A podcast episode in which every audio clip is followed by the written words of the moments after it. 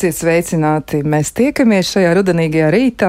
Kāju bērni paaugušies, lapas pamazām krīt, un uh, arī rudens ir baudāms laiks. Rudenim piestāv dažādas lietas, arī pārdomāšana un uh, atpūšanās kādos kreslainos vakaros, bet uh, šodien ne par rudeni. Tas, protams, ir baudāms mirklis, to mēs visi arī varēsim darīt, un noteikti arī pēc šī raidījuma vai dienas otrajā pusē es aicinu jūs mēģināt noķert rudeni aiz astes, kamēr vēl tas ir iespējams. Bet šodien runāsim par ko citu. Asins vēzim mēdz teikt, ka ir ļoti universāli simptomi, un es arī apzināti izmantoju šo apzīmējumu asins vēzis, jo cilvēki tā arī mēdz teikt. Viņi neizmanto ļoti, ļoti sarežģīts apzīmējums šai slimībai, un eh, tā ir varbūt arī pat tādas vairākas sejas. Mēģināsim saprast, kā tad eh, noķert šo te laicīgi, lai cilvēkiem varētu ātrāk uzstādīt diagnozi un arī atpazīt pašu slimību. Un eh, patiešām, ko tad īsti nozīmē universāli simptomi, par to mēs runāsim. Un arī par to, kāpēc ģimenes ārstiem dažreiz neizdodas uh, saprast simptomus un saprast, kas tad tieši ir tas, kas notiek ar pacientu. Nu, tad, ko tad tas viss īsti nozīmē, kā uh, ar to cīnīties, kā uzveikt to, kas ir uh, piemeklējis cilvēku, kā tikt galā. Par to runāsim šodien ar studijas viesiem. Un studijā pie mums ir hematoloģija Kristīna Bernāts. Sveicināti! Labdien! Vēl esam sarunā aicinājuši arī piedalīties hematoloģijas pacientu Ivanu Šūpulnieci. Sveicināti! Labdien! Un vēl arī esam aicinājuši sarunā piedalīties lauku um, Latvijas lauku ģimenes ārstu asociācijas viceprezidentu ģimenes ārstu Aini Zalbu sveicināti. Labrīt! Nu, lūk, um, varbūt es pašu, pašu pirmo jautājumu arī um, varētu uzdot uzreiz um, doktorei um, Kristīnai Bernātei.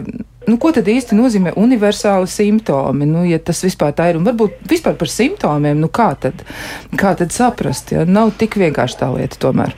Nu, sāksim ar to, ka asinsvēzis nav viena diagnoze. Jā, asinsvēzis tas ir mans speciālitātes jautājums, kur uh, iekļaujas uh, daudz, virs 20. Uh, vismaz dažādas nozoloģijas, dažādas saslimšanas, kam vēl ir savukārt savi apakšvarianti. Tādēļ tādus kopējus simptomus šai slimību grupai var nosaukt, bet tie visi būs nespecifiski vai universāli, kā jūs sakat. Un šie nespecifiskie simptomi būs tādi kā nogurums, svara zudums, svīšana, ādas nieze. Reizēm ļoti reta, nu, nereta, bet ir dažādas slimības, kur ir vairāk izteikti ir sāpes, arī kaulu sāpes, tā skaitā, piemēram, mieloma slimībai. Tādēļ tādu kopīgu simptomu grupu šai slimību grupai nemaz nosaukt nevar. Un otrs uh, stāsts ir, ka bieži vien uh, savā praksē es redzu pacientus, kam nav simptomu vispār, kas ierodas pie ārsta ar nejauši veiktām analīzēm vai analīzēm, kuras ir veiktas citu iemeslu dēļ, kur atrod izmaiņas, bet pacients pats nav fiksējis nekādas izmaiņas savā veselībā. Tā tad tā arī ir universāla tajā nozīmē, ka tiešām grūti atpazīt. Un ja ir aptuveni 20 iespējamie varianti, kas būtu varējis notikt ar cilvēku, tad patiešām ļoti grūti varētu būt orientēties. Ne, nu, nav grūti orientēties, ja pacientam ir veikta profilaktiskā asins analīze, ja, ja, ja šī ir slimība, kura, kuru mēs varam redzēt asins analīzēs. Jo ne visas asins ļaundabīgās saslimšanas ir redzamas arī asins analīzēs, tā kā tas ir vēl sarežģītāk. Vēl sarežģītāk. Ir, ir vēl citi uh, slimības izpausmes varianti, kur neskar kaulu smadzenes, tātad neredzam mēs to arī asins analīzēs. Nu, tad vēl, vēl grūtāk. Nu, tad hematoloģija ir tāda ļoti, ļoti sarežģīta disciplīna. Protams, nu, arī pārējās, jau, bet tas varētu sagādāt zinām izaicinājumu nu, tiem pašiem ģimenes ārstiem varbūt. Uh, noteikti. Un, nu, bet es teikšu tā, ka, ja pacients ir, no, ir daļa slimības, ko ļoti viegli var atpazīt, un kur nav pat kaut kāda ļoti padziļināta, specifisks uh, izmeklējuma vai biopsijas un invazīvas manipulācijas jātaisa, lai varētu tikt līdz diagnozei To var veikt vienkārši veicot asins analīzes un padziļināt. Un ģimenes ārsts ir tas pirmais etaps, kas redz šīs izmaiņas vai novirzes asins analīzēs. Un tādēļ ļoti svarīgi mums ir, lai šie ģimenes ārsti ir tik izglītoti, ka viņi saprot, ka šīs izmaiņas asins analīzēs ir saistītas, varētu būt saistītas ar kādu asins ļaundabīgu saslimšanu, vai tās ir izmaiņas, kas notikušas dēļ kaut kādām citām saslimšanām, piemēram, infekcijas slimībām, kur bieži vien arī izmainās situācija asins analīzēs analīzēs. Tās ir uh, normāla organisma aizsarga reakcija, kad pieaug piemēram leikocītu skaits, uh, bet ģimenes ārsts vērtē pacientu kopumā. Tas ir tas primārais aprūpas speciālists, kas redz pacienta gan sūdzības, gan viņš redz šo pacientu ne pirmo reizi, viņš ir tas, kurš var izvērtēt, vai šeit ir jāveic uh, papildus padziļināti izmeklējumi jau tālāk pie speciālista, pie hematologa, vai viņš ārstē pats, vai viņš atkārto analīzes. Tas ir ir ļoti svarīga tā ģimenes ārsta loma. Jā, nu tad eh, mums ir arī iespēja uzdot eh, ģimenes ārstam eh, jautājumu, un tas būs Ainis Dzābs, kuram mēs jautāsim, bet kā tad ir jūsu praksē, vai jūs esat saskāries, noteikti esat ar šādām situācijām, nu kā tad tas nāks, kā, kā orientēties šajos daudzos un dažādajos simptomos, un nu tiešām tādā ļoti grūtā situācijā reizēm tur ir ļoti daudz jautājumu, ir ļoti daudz jāzina un jāmēģina salikt kopā tā, tā aina. Nu, jā, tā, tā tas mūsu darbā ir, ir, ir lietas, ko mums ir diagnosticēt vieglāk un vienkāršāk. Reizēm pacienti ienāk mūsu kabinetā un sāk sāstīt savas sūdzības, un tur uzreiz ir skaidrs, kas ar viņu ir noticis, un mums varbūt nav vajadzīgi nekādas smalka izmeklējuma vai papildus konsultanti. Bet ir tādi gadījumi, kas ir daudz sarežģītāki, komplicētāki, un kuru paiet varbūt reizēm mēneši, kamēr mēs tiekam skaidrībā, kas ar mūsu pacientu īsti notiek.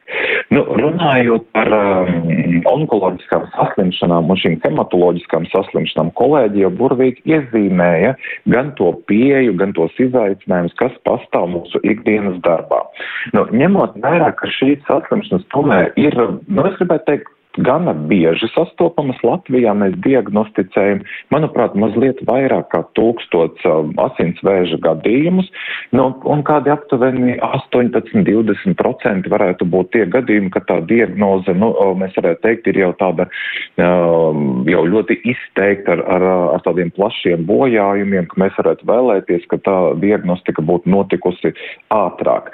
Un ja mēs pāanalizējam, nu, kādēļ tā mēdz gadīties, ka ka, ka ir situācijas, ka, ši, ka šī diagnoze, nu, teiksim, tā ir novēlota. Nu, protams, kā, kā mēs jau, jau sarunas sākumā noskaidrojam, ka nevienmēr iet tie gludi un ir reizēm, ka tiešām tas ir diezgan liels izaicinājums nonākt līdz diagnozei.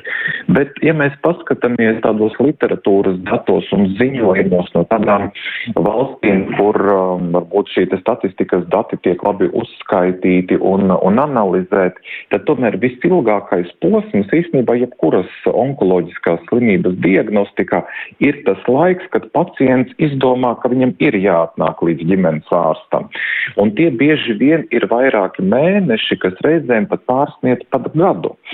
Un pacienti novēro, teiksim, ka viņiem ir kaut kāda veselības pasliktinājums, nu, kuram gan no mums nav bijis kāds sagurums vai kādu brīdi liekas kāda tur elpas trūkuma epizode vai, vai kāda temperatūra vai pastiprināta svīšana. Un mēs kaut kā tā kā nogaidam, paskatāmies, kas notiek. Protams, ka vairumā gadījumu šie jautājumi atrisinās, bet nevienmēr. Un reizēm šie simptomi ieilgst un, un pakāpeniski progresē un paiet jau diezgan ilgs laiks, kad pacients saņemās pie mums atnāk. Un šī brīža aktualitātes saistībā ar Covid-19, nu liela daļa, pieņemsim tā arī saka, ka viņi ir savulaik izslimojuši Covid infekciju, ir pieņēmuši, ka šis nogurums vai šī svīšana vai kādas ādas izmaiņas vai elpas trūkums, ja, ir saistīts ar Covid-19 sekām un gaida, ka tas viss kaut kurā brīdī pāries. Nu, kad, un kad tie simptomi pastiprinās, tad vēršās pie ģimenes ārsta un mēs saprotam, ka tur pamatā nav šis, pieņemsim, ilgais Covid, ka tur ir pilnīgi cita saslimšana un pastāv varbūtība, ja, ka tā ir, pieņemsim, šis, šis asins vēzis. Tā kā, nu, šeit ir jābūt, uh, lai tā mēs šo diagnostiku veiktu, ir jābūt uh, modrībai tādai un zināšanām no abām pusēm. Gan, gan mūsu pacientiem noteikti ir jānāk un jāstāsta savas sūdzības, uh, jāpierakstās pie ģimenes ārsta, un, un mums, protams, ir jāvelta tam laiks, lai atpazītu, un nevienmēr varbūt šīs sūdzības saistīt tikai ar nogurumiem, pārslodēm darbā vai izdegšanu, bet jāpaskatās arī vismaz šīs pamatlietas, kā pieņemsim šī pilna asins aina. Un vēl uzreiz piebildīšu, nu, ka tomēr Latvijā nu, šie izmeklējumi arī tiek veikti gana plaši. Ja mums vēl šodien būtu Nacionālais veselības dienests kāds pārstāvis, viņi jau saģertu galvu un teiktu, ak šausmas, ģimenes ārsti jau parasti kādos septiņos, astoņos gadu mēnešos jau iztērē visu gadam paredzēto budžetu dažādos laboratoros izmeklējumos. Nu, jo mēs um, ar to finansējumu, kas mums ir, nevienmēr pietiek, un mēs Protams, pacientiem, kuriem ir kādas neiz, neizskaidrojamas sūdzības vai kādas mums aizdomas rodās, tad mēs šos laboratoros izmeklējumus veicam, un pilna asins aina, nu, tā ir tā klasika un standarts, vai ne, un tas obligātais minimums pie jebkuras sūdzības, kas mums parāda, ko, cik lielā mērā un kā mūsu organismā uzvedās eritrocīti, leikocīti un trombocīti, un ar šiem te izmeklējumiem mēs varam runāt par iespēju iespējamām izmaiņām, kas ir saistītas ar hematoloģiju, gan tās mums palīdz diagnosticēt daudz un dažādas citas saslimšanas un izskaidrot dažādus citus veselības stāvokļus. Skaidrs, tā tad arī jābūt ļoti aktīvam pašam pacientam un droši vien jebkas, kas ir mainījies, nu, palielināts limfmezgls vai tur ir kaut kāda tiešām noguruma sajūta vai svīšana, tad noteikti ir jādodas pie ģimenes ārsta. Bet šai brīdī, nu, tad gribētos iesaistīt arī hematoloģijas pacienti, ja, kurā, nu, tad ir, nu, tāda ļoti konkrēta personiska pieredze. Un tātad Ivana Šūpulniece ir ar mums kopā šodien un ir gatava pastāstīt par to, kā tad jums gāja ar to visu. Jūs arī teicāt, ka jūs jau diezgan ilgus gadus esat ar, ar, ar šo visu saistībā, to mēs izrunājām runājām vēl pirms raidījuma, un jūs teicāt, nu, ka jūs esat tiešām spējīgi par to runāt, esat gatavi izteikties. Tad eh, varbūt pastāstiet, kāds bija jūsu ceļš līdz tam brīdim, kamēr tika precizēta jūsu diagnoze. Jā, tas notika 2015. gadā kad man bija aizvadīti skaisti, aizvadīti 40 gadi, 40 gadu jubileja. Un es gāju pie ģimenes ārsta, lai varētu nokārtot sanitāro grāmatiņu, kas bija nepieciešama darbā. Un, uh, mana ģimenes ārste, es varu tikai viņu uzslavēt. Ir, uh, viņas vārds ir Natālija Jevčuka. Gribu arī pateikt šeit ēterā, jo uh, viņa ļoti atbildīgi un ar tādu dziļu ieinteresētību izturās, manuprāt, pret katru no pacientiem un dažkārt pat ievelk savas darba stundas tādēļ. uh, bet, uh, man bija, bija tā situācija, kad ilgi nebija taisīts asins analīzes. Viņa, protams, palīdzēja man kārtot to sanitāro grāmatiņu un nosūtīja, kur man bija jāiet, bet lūdzu arī uztaisīt asins analīzi. Es veicu asins analīzi un būtiski nākamajā dienā ir zvans no ģimenes ārsta māsiņas ar jautājumu, kā jūtos, kad varu atnākt jo esot liels leukocytu skaits. Un tās manas domas, nu nevar taču darbs, nu labi, rīt vakarā. Nu, domāju, droši vien analīzes sajaucam ar kaut kādu tantuku.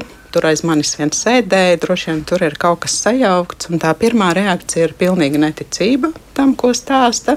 Jo pa lielam ar mani viss ir kārtībā. Nav nekā tāda, kāpēc man vajadzētu būt sliktām analīzēm. Protams, tagad skatoties atpakaļ, ar tādu izsvērtu aci un jau zinot simptomus, es varu pateikt, ka jau tad bija savdabīgas izpausmes manā ķermenī, kam es nepievērsu uzmanību. Kāds tas bija? Tā bija tā pati nieze, par kuru nu, uz ādas man bija tādi pleķi, kas parādījās, bet viņi pārgāja tā kā sausi plankumi un niezoši tādu, tā kā nevar saprast, kas tas ir. Uh, nespēks. Bija tāda situācija, tā rudenī mēs ar bērnu gājām skrituļot. Es ļoti labi slidoju, bet es nekad nebiju skrituļojusi. Man tā likās neiespējamā misija vispār nostāvēt uz skrituļu slidām. es domāju, tā nevajadzētu būt problēmai. Bet, bet tiešām tas bija ļoti grūti. Un, tā kā man nebija iespēja, nu, es tā kā daudz nespartoju, es domāju, nu, nu, jā, es to norakstīju uz vecumu izpausmēm. Tomēr nu, cilvēks ar 40 laikam vairs nevar tā kā bišķiņa agrāk, jo tas bija pamainījies. Tātad tas, tas tie spēki e, ķermenī, viņi jau bija savādāki nekā iepriekš, kam e, cilvēks ikdienas steigā nepievērš to uzmanību, un arī es tā kā nepievērsu. Un tas, tā pirmā reakcija man bija pilnīga neticība. Un es pirms eh, darba nākamajā dienā skrēju uz citu um, laboratoriju, nodot analīzes, eh, lai pārliecinātos, ka tā nav taisnība. Bet uh, tie analīžu rezultāti palā, parādīja vēl sliktāku rādītāju, tad es sapratu, ka tas ir par mani. Bet tā neticība, protams, saglabājas, un pirmās domas, nu, droši vien lēkucīgi skatāmies internetā, ir lēkucīgi daudz iekaisums, kaut kāds iekaisums, kāds iekaisums, nezinu, kāds iekaisums, nejūti nekur iekaisumu. Un, jā, tad, tad, kad nonāca pie ģimenes ārsta, viņa teica, pie hematologa man jāgriežās, un tas bija pareizais lēmums. Un, kaut kā tā paveicās, ka pirms atkal tas, tas, tas ir tādas slikteņa sagadīšanās vai tādas interesantas lietas, ka um, tā gada vasarā slimnīcā tika ievietots mans tēvs ar, ar Līnazaru slimnīcā. Un pa gaitiņam skrienot un ieskrienot nepareizā mājā, es satiku uh, doktori uh, Bernāti. Eh, kas, kuru es atpazinu tādēļ, ka viņa bija arī mana dēla klases biedra mamma. Tā tas sagadās nu, dažkārt dzīvē. Maza, ja? tādas jā, arī citas un, saistības. Jā, un, un es atcerējos, kad viņai uz šiltītes, es nezināju, viņas profesija bija rakstīts kaut kas ar hematoloģiju. Un tā pirmā doma bija skatīties, nu, varbūt kaut kur atrast kaut kā, kādu pazīstamu, ar ko var pameklēt parunāt un saprast, ko man tagad darīt. Un, uh, jā, dabūju uh, doktora telefonu caur klases audzinātāju, kas arī ir tāds varbūt nelegāls paņēmiens, bet tomēr un, un, un bija tā iespēja tikt pie ārsta. Sākumā pie doktora kolēģis, uh, kur teikt, tika veiktas visdažādākās analīzes, lai noskaidrotu to īsto manu diagnozi. Uh, kas izrādījās kroniska mielolejkoze, jeb asinsvēzis, viena no asinsvēža formām ar pozitīvu filadelfijas chromosomu. Ja es pareizi saprotu, doktori var pateikt. Jā, mēs noteikti arī aicināsim doktori komentēt, kā tas ir, jo jūs aprakstījāt Jā. arī savas izjūtas, kas varētu būt ļoti, ļoti iespējams cilvēkiem. Viņi sākotnēji saskars ar šoku, tad viņi noliedz to, ka tas varētu būt par viņiem, un tad sāks tas grūtais ceļš saprast, ko darīt tālāk. Un tajā ir nepieciešams kāds pavadonis, un ja tas ir labs un saprotošs ārsts un zinošs ārsts un arī atbilstošās specialitātes ārsts, tad tiešām nu, tās lietas var arī risināt. Tad varbūt eh, arī doktorai Bernātei ir komentārs par šo, nu, teiksim, šādu slimību. Jā, tad, eh, jā Imantē mm. sanās tas eh, ceļš pavisam tāds mazliet caur privāto, caur sētas pusi pie hematologa, bet šobrīd 15. Nu, gadā vēl nebija mums ieviests arī zaļais koridors šādiem pacientiem. Šobrīd nu, jau kādus 3-4 gadus nepateikšu precīzi. Uh, Nē, ilgāk, ilgāk, jau būs kādi pieci gadi. Uh, ir ieviests zaļais koridors, kur šāds pacients, kas nonāk pie ģimenes ārsta, uh, ģimenes ārstam ir iespēja viņu sūtīt caur zaļo koridoru, kur pacientu uh, Nu, pēc ministra kabineta noteikumiem būtu jākonsultē desmit dienu laikā. Realtātē tās ir divas, trīs nedēļas, bet pie speciālista var nokļūt mm, gan šajos jautājumos, kad ir izmainīts asins analīzes, kur ir hematologs nepieciešams, gan arī, ja pacients ir nonācis ar aizdomīgu limfmezglu, tad tur ir iespējams arī kāda ķirurga var palīdzēt uzreiz vai hematologs vai onkologs. Un tā, tādā ziņā šī, šis ceļš līdz tam speciālistam ir valstiski atrisināts. Ir atrisināts arī vēl nākamais etaps, kad pacienti jau izveseļojušies var un ar slimības atkārtošanos vai aizdomām par slimības atkārtošanos arī var nonākt pie speciālista pātrinātā kārtībā caur dzelteno koridoru. Un to ģimenes ārsti zina izmanto. Varbūt zeltaino koridoru tas vēl nav tik ļoti ieviesies, bet principā tādas uh, iespējas uh, ir diezgan ātri nonākt pie speciālista. Par uh, Ivānu, jā, tas ir īstenībā biežākais stāsts, kā tas notiek, kad uh, šādas leikožu, ne akūtās, bet hronisko leikožu variants vai hroniskos asinsvēžus atklāja nejauši. Uh, vai bija šie simptomi un šie uh, fiziskie uh, nu, ierobežojumi saistīti ar šo konkrēto slimību. Nu, grūti mums tagad ir atpakaļejoši pateikt, bet jāsaka, Ivāns gadījumā, ka šī ir viena no tādām mm, diagnozēm, kur mums ir laba diagnostika arī Latvijā un laba mērķa terapija pretī, šai, ar ko mēs varam ārstēt. Ja, nav, šī ir slimība, par kuru mēs varam teikt, ka mēs varam ārstēt tādā pasaules līmenī. Tātad labas ziņas. Jā, labas, labas ziņas. ziņas. Jā, par šo diagnozi ir labas ziņas. Ja es varu vēl komentēt, es arī pētīju internetā par tām zālēm, kuras es varu lietot, un ka viņas tika radītas tikai kādus desmit gadus pirms es saslimu. Nu, apstiprinātas un, un strādājošas zāles tieši šai saslimšanai. Tātad, kas tur notiek, cik es saprotu, kad uh, tur tā, ši, šo zāļu dal, daļiņas piesaistās tām šūnām, kas ir ilg, ilgi dzīvojošas un nemirstošas asinīs, tie ir leukocīti, tāda noteikts formas leukocīti. Un uh, viņi var aiziet bojā. Citādi tas organisms ir piesārņots ar šīm šūnām, kuras nemirst. Un, un tas bija tas, uh, ko es biju piedzīvojusi, kad uh, viņu bija 60%, ka viņam ir jābūt reāli šo šūnu 0,0 cik tur. Jā, tas ir pilnīgi citai attiecībai. Pajautāsim arī doktoram Zābam, varbūt arī jums ir kāds komentārs par to. Nu, tātad pacients ir vērsies pie ģimenes ārsta, un tad tur tas e, tālākais ceļš arī doktora Bernāta aprakstīja, ka tas varētu notikt ļoti, ļoti ātri. Nu, piemēram, varbūt arī kāds komentārs par dzētu no koridora, lai pacienti droši zina, ka ar, par viņiem parūpēsies. Varbūt jums ir kas vēl, ko sakām, pateikt. Jā, nu, uh, nu es arī jā, gribēju tieši tur arī piebilst, ka es ļoti labi atceros tos laikus, kad mums nebija vēl, jā, tiksim, no, noregulētas šīs pacientu plūsmas un sevišķi šīs prioritārās plūsmas aizdomu gadījumā, ja ir pamatotas aizdomas par onkoloģiskām slimībām. Un tad bija tiešām diezgan liels tāds izaicinājums un, un reizēm tās situācijas likās tik neatrisināmas un bezcerīgas, ka man, ir pacients, jau kuram asins analīzēs, nu, man, mums izskatās primārajā veselības aprūpē, ka 99% tā ir onkoloģiska slimība, un tad mēs meklējam dažādus ceļus, nu kā mums nokļūt uh, līdz, līdz vajadzīgajam speciālistam. Bet uh, ieviešot šo zaļo koridoru principu, nu, liela daļa no šiem jautājumiem tiek atrisināti, un es tiešām gribētu teikt, ka absolūtā vairākumā mūsu pacienti vajadzības gadījumā nonāk pie speciālistam krietni, krietni ātrāk, un tiešām vairumā gadījumu šīs ir, nu, desmit dienas, divas nedēļas. Nu, par onkohematoloģiju, jā, nu tā ir varbūt tāda šaurāka nozara mums liekas, ka to speciālistu būtu pa maz un varētu būt vēl vairāk, un lai mēs varētu nokļūt vēl laicīgāk. Nu, šobrīd šis pieraksts ir aptuveni, jā, ap trīs nedēļām mēs varam mūsu pacientus pie speciālista kā dabūt. Kas arī ir ļoti labs laiks, un, un, un ir tāda tiešām situācija, kāda ir kritiska, tad jau mēs varam vēl mēģināt kaut kā šo procesu vēl informēt mūsu kolēģis un, un skaidrot, un varbūt lūgt vēl ātrāk kādu konsultāciju. Nu, par dzelteno koridoru tas ir tāds, um, tāds nākamais posms, kas ir ieviests ar šo gadu.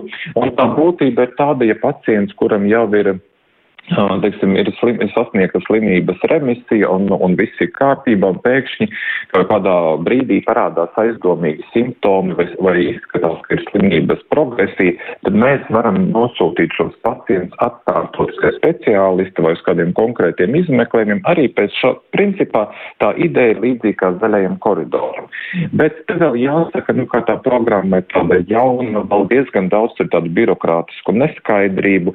Ir, ir Um, ārstniecības iestādes, kuras sniedz uh, šos pakalpojumus daļēji, ir, kas sniedz noteiktām diagnozēm. Uh, vēl droši vien vēl arī hematoloģijas nozare arī vēl būtu, kas attīstāms tieši šajā te kontekstā.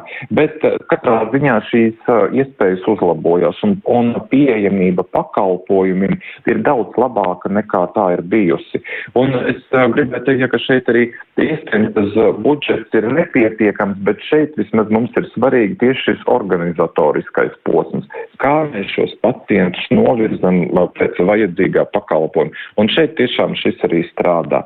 Bet uh, mazliet komentējot par pacienta vajadzībām, ja šie, uh, šie stāsti uzzinot uh, kādu nopietnu diagnozi ir diezgan tādi, nu, tā kā, kā, kā arī komentāri bija, tādi tipveidi. Mēs sākumā mums ir noliegums un tāds izmisums, un tad ir kaulēšanās un pieņemšana, un tad tikai seko rīcība. Un šeit ir ļoti svarīgi, ka ir šis atbalsts.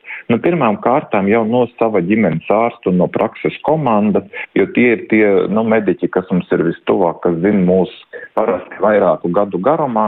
Un otrs šeit, protams, ir vajadzīga arī šīs pacientu biedrības, kur ir, kas sniedz šo papildus informāciju, motivāciju cīņai, iedvesmo pozitīvam rezultātam un ar savu pieredzi dalās kā labāk varbūt pārdzīvot zināmas stresa situācijas un sniegt tādus praktiskus ieteikumus, kā risināt problēmas.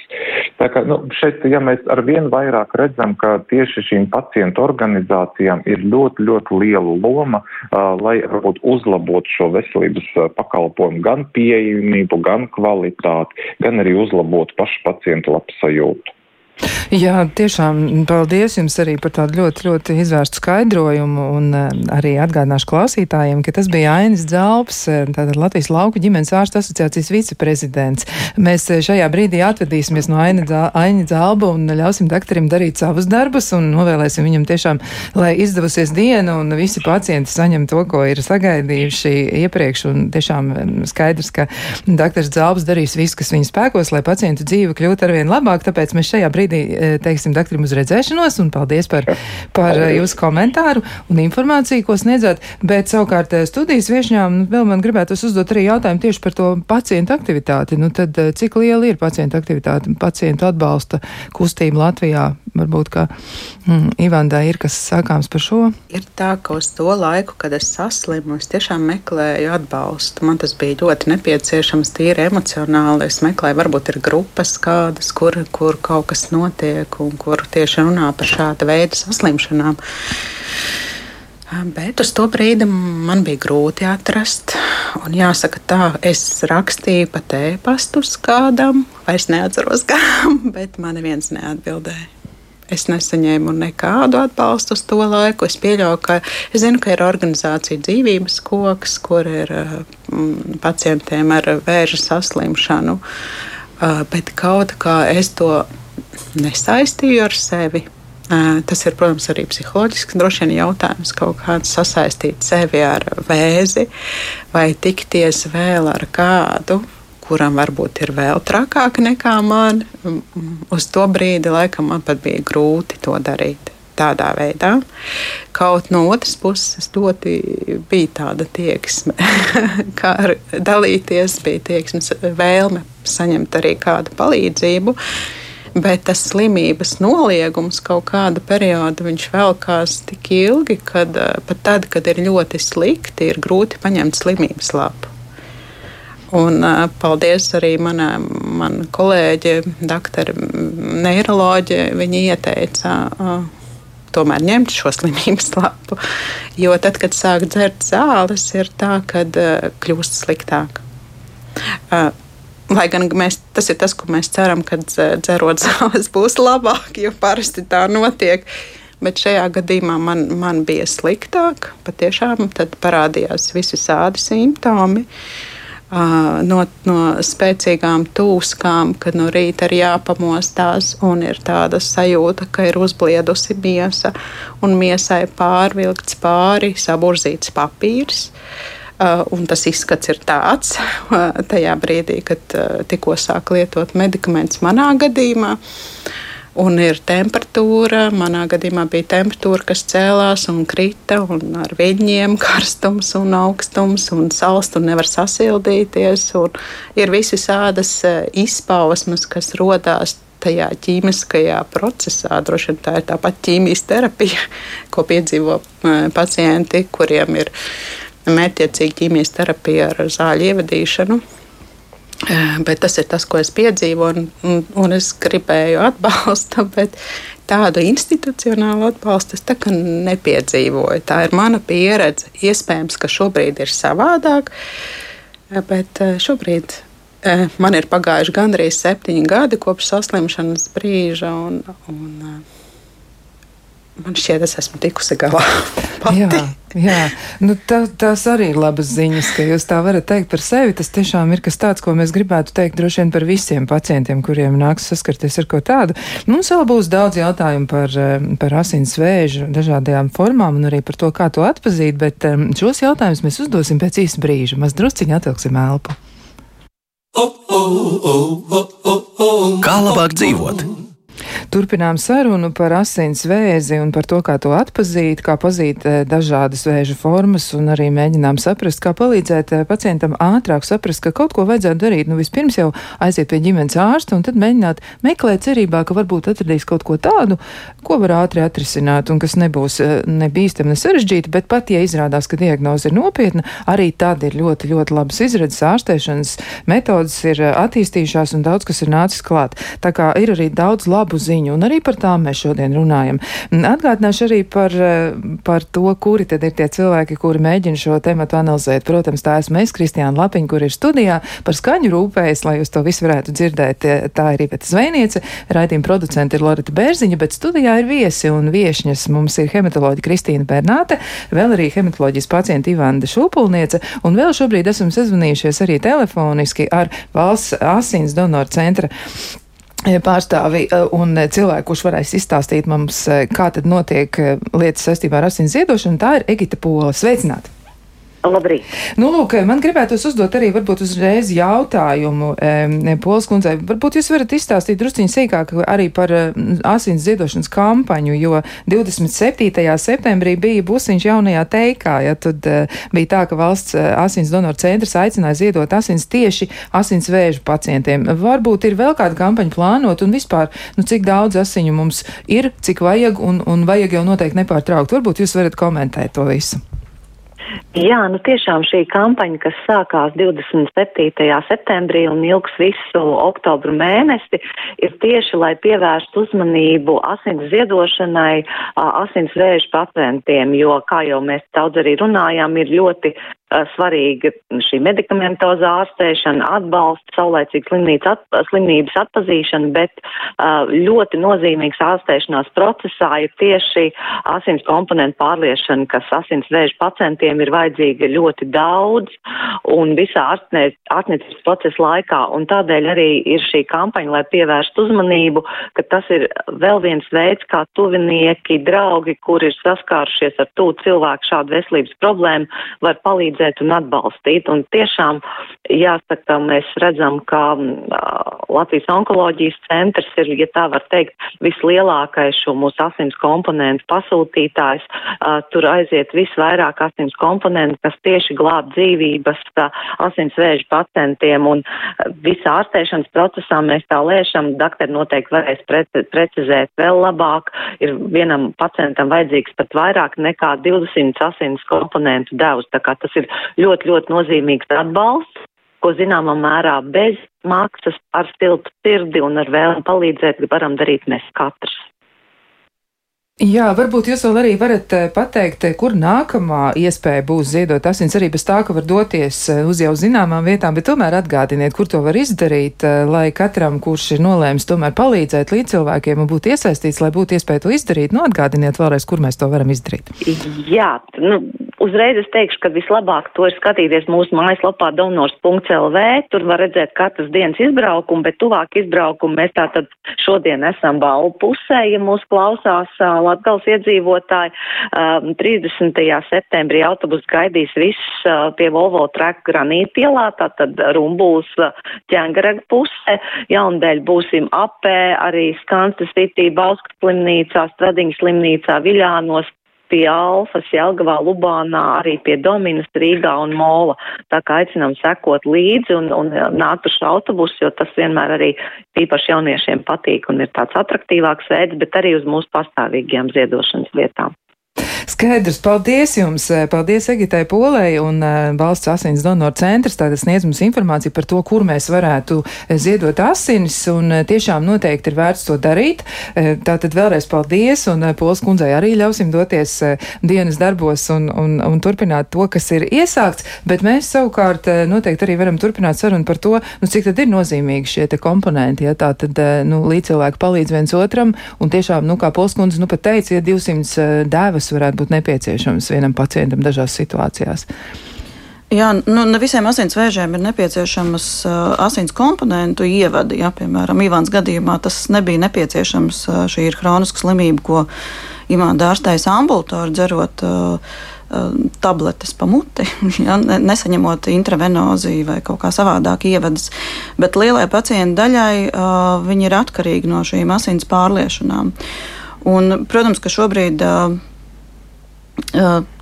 tie lielākie asins komponentu noņēmēji ir tieši vairāk akūtās lēkozes, kā arī tāda mielu displastiska sindroma, mielomas slimības, ja, kam ir biežāk nepieciešama asins komponentu aizvietojuša terapija. Ir pacienti, kuri saņem ķīmijterapiju, agresīvu ķīmijterapiju, kur ietekmē arī pārējās labās asins šūnas, un tad pēc tam ir iespējams jāsaņem gan eritrocītu, sarkanosins ķermenīšu, gan trombocītu aizvietojoša terapija. Un skaidrs, ka Latvijas onkoloģijas centrā šādu pacientu ir ļoti daudz. Es pārstāvu Pauli Stradiņa Klinisko universitātes slimnīcu. Arī šobrīd manā klinikā, kur es strādāju, onkoloģijas klinikā, šis asins komponentu patēriņš ir ievērojami palielinājies kopš mums ir hematoloģijas nozara Stradiņa slimnīcā. Uh, Un tas ir ļoti būtiski, tad, kad nāk pacienti vai pacientu piedarīgie un viņi jautā, kā viņi var palīdzēt ko viņi var darīt, eh, ko viņi var uh, dot saviem tuviniekiem ēst, piemēram. Ja? Tad, tad tas, ko es vienmēr saku, ka tas praktiskais pienesums, ko jūs varat darīt un kas būtu vēlams, ir meklēt donorus, no, ziedot pašiem asinis, lai varētu nodrošināt pēc iespējas. Tas, protams, nebūs tā, ka precīzi konkrētā pacienta radinieka nodotās asinis saņems pats pacients, bet, bet tas princips ir tāds, ka mm, tuvinieki ziedo asinis. Uh, saviem tuviniekiem un mēģina atrast vēl varbūt citus draugus, radus, paziņas, darba kolēģus, kas to var darīt. Jo tas asins komponentu daudzums bieži vien ir nepietiekošs, un arī mēs nevaram dabūt vienmēr.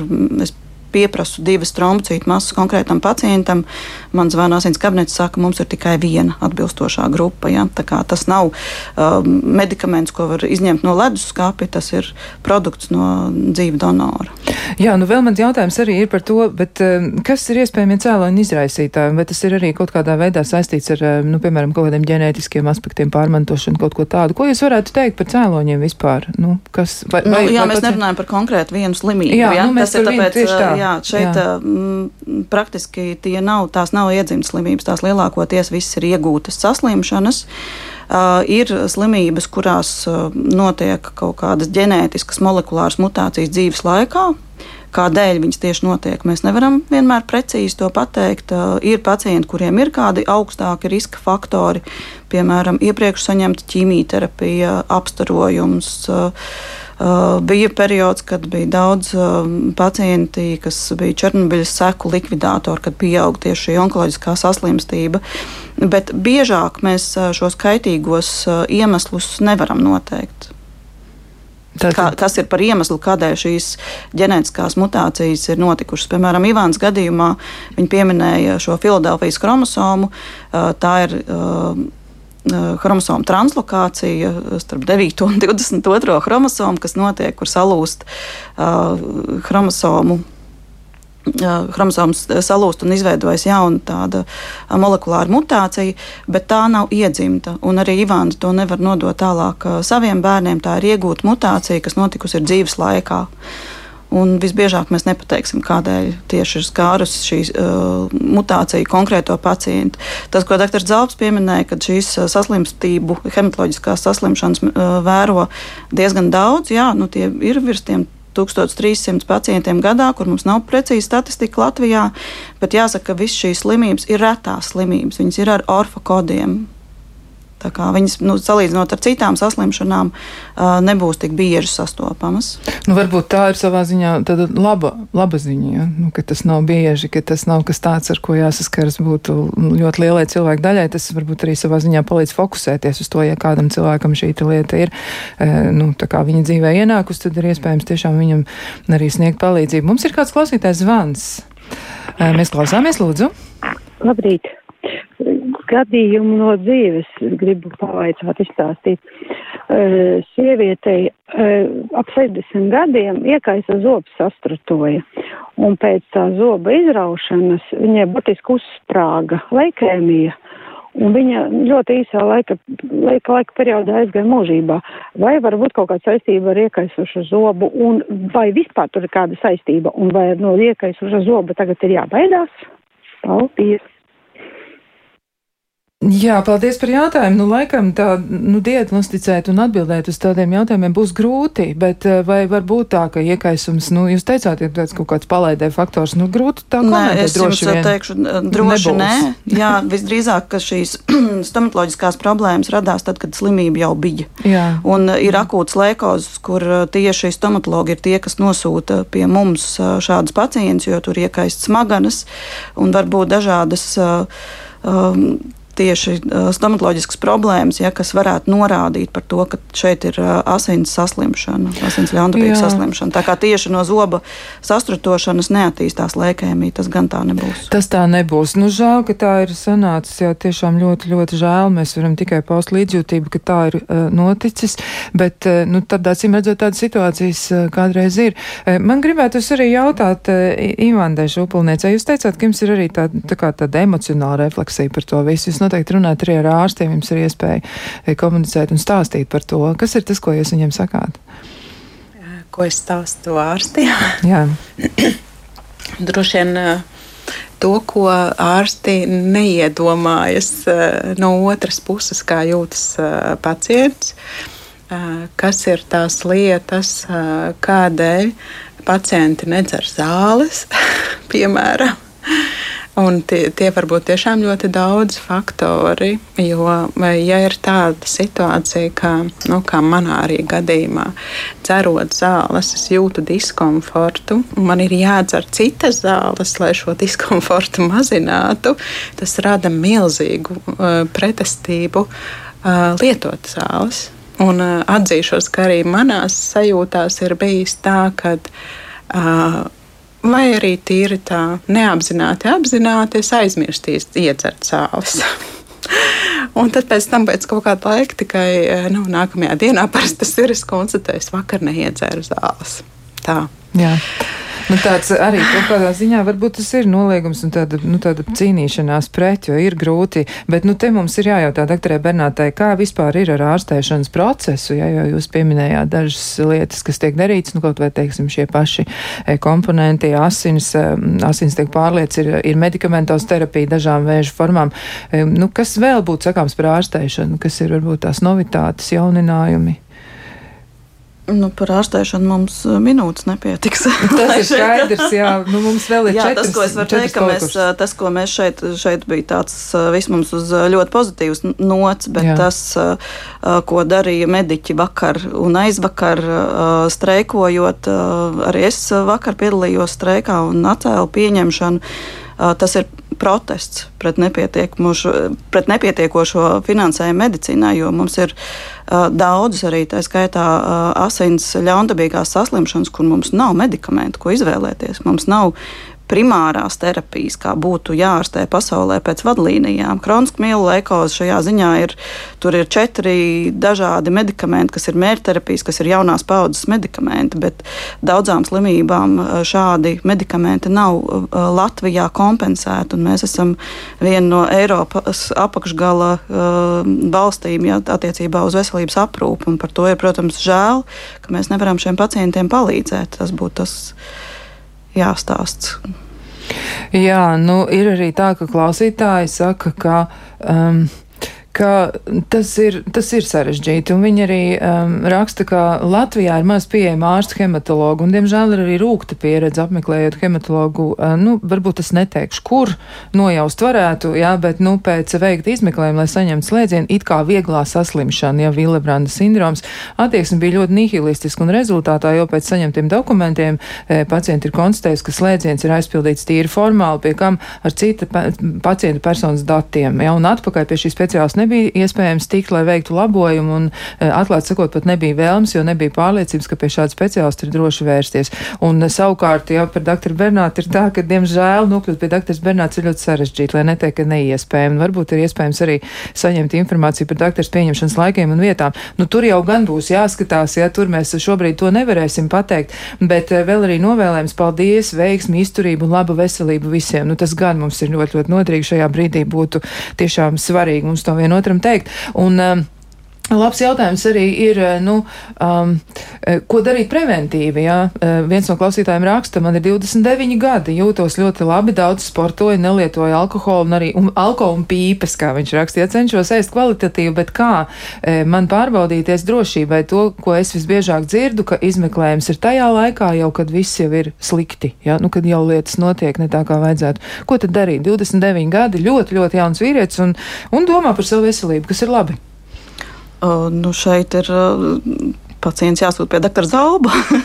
Tātad pie Vai primārā, pie ģimenes ārsta. Jā, pacients iet uz savām profilaktiskām uh, apskatēm. Es teiktu, tas, ko mēs, jā, valsts īsti neapmaksā pilnu asinsāinu, ja nav nekāds diagnozes kods, ģimenes ārsts Eh, kaut kāds diagnozes kods ir jāraksta, jo tas nav skrīnings.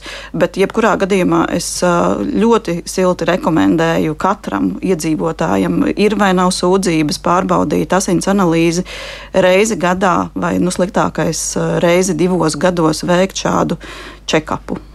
Pat Jā. ja labi jūtamies. Pat ja labi jūtamies, tad tomēr tas ir tā vērts, lai to izdarītu. Jo, kā jūs teicāt, ja dzīves laikā kaut kas notiek, tas ģenētiskais kods tur drusciņi mainās, šūnās. Jā, ne, nu, reizēm ir tiešām mēs redzam pacients, kas nav mm, gadus piecus vai gadus desmit veikuši asins analīzes, kas ir atnākuši pie uh, hematologa jau ar. Uh, jau diagnosticētu slimību. Jā, nu tā tad, eh, tā tad tas ir kas tāds, kas noteikti jāņem vērā. Mums jākļūst aktīvākiem un jābūt kā klausītājiem, kurš eh, pats domā par to, ko tad darīt, ja, un preventīvi tiešām tā tad visi, eh, visi, visi apdomājamies un paskatāmies, kad esam veikuši asins analīzi. Un pašā noslēgumā, jā, mēs varam atsaukties uz arī klausītājas iesūtīto komentāru. Viņi raksta paldies par raidījumu, jo īpaši par smago pieredzi slimojot var tikai iedomāties, kā sabrūk pasaule, uzzinot diagnozi. Tas noteikti ir smags brīdis un arī arī te droši vien ir vērts atgādināt, ka Latvijā laikam vēl joprojām nav organizācijas, kas tieši šiem pacientiem palīdzētu. Tā ir paša pacienta aktivitāte, un tad mēs varētu aicināt tos pacientus, kuriem ir, mm, tā kā zināms, kā jūtas eh, pacients, kuram ir hematoloģiska slimība, e, tad e, mēģiniet varbūt e, sasaistīties un izveidot organizāciju, kas varētu jums arī būt tāds labs atbalsts vienam un, un otram, ja, kurš, kurš saskars ar šo, lai varētu nu, tā palīdzēt arī vairāk, arī bez profesionālās palīdzības.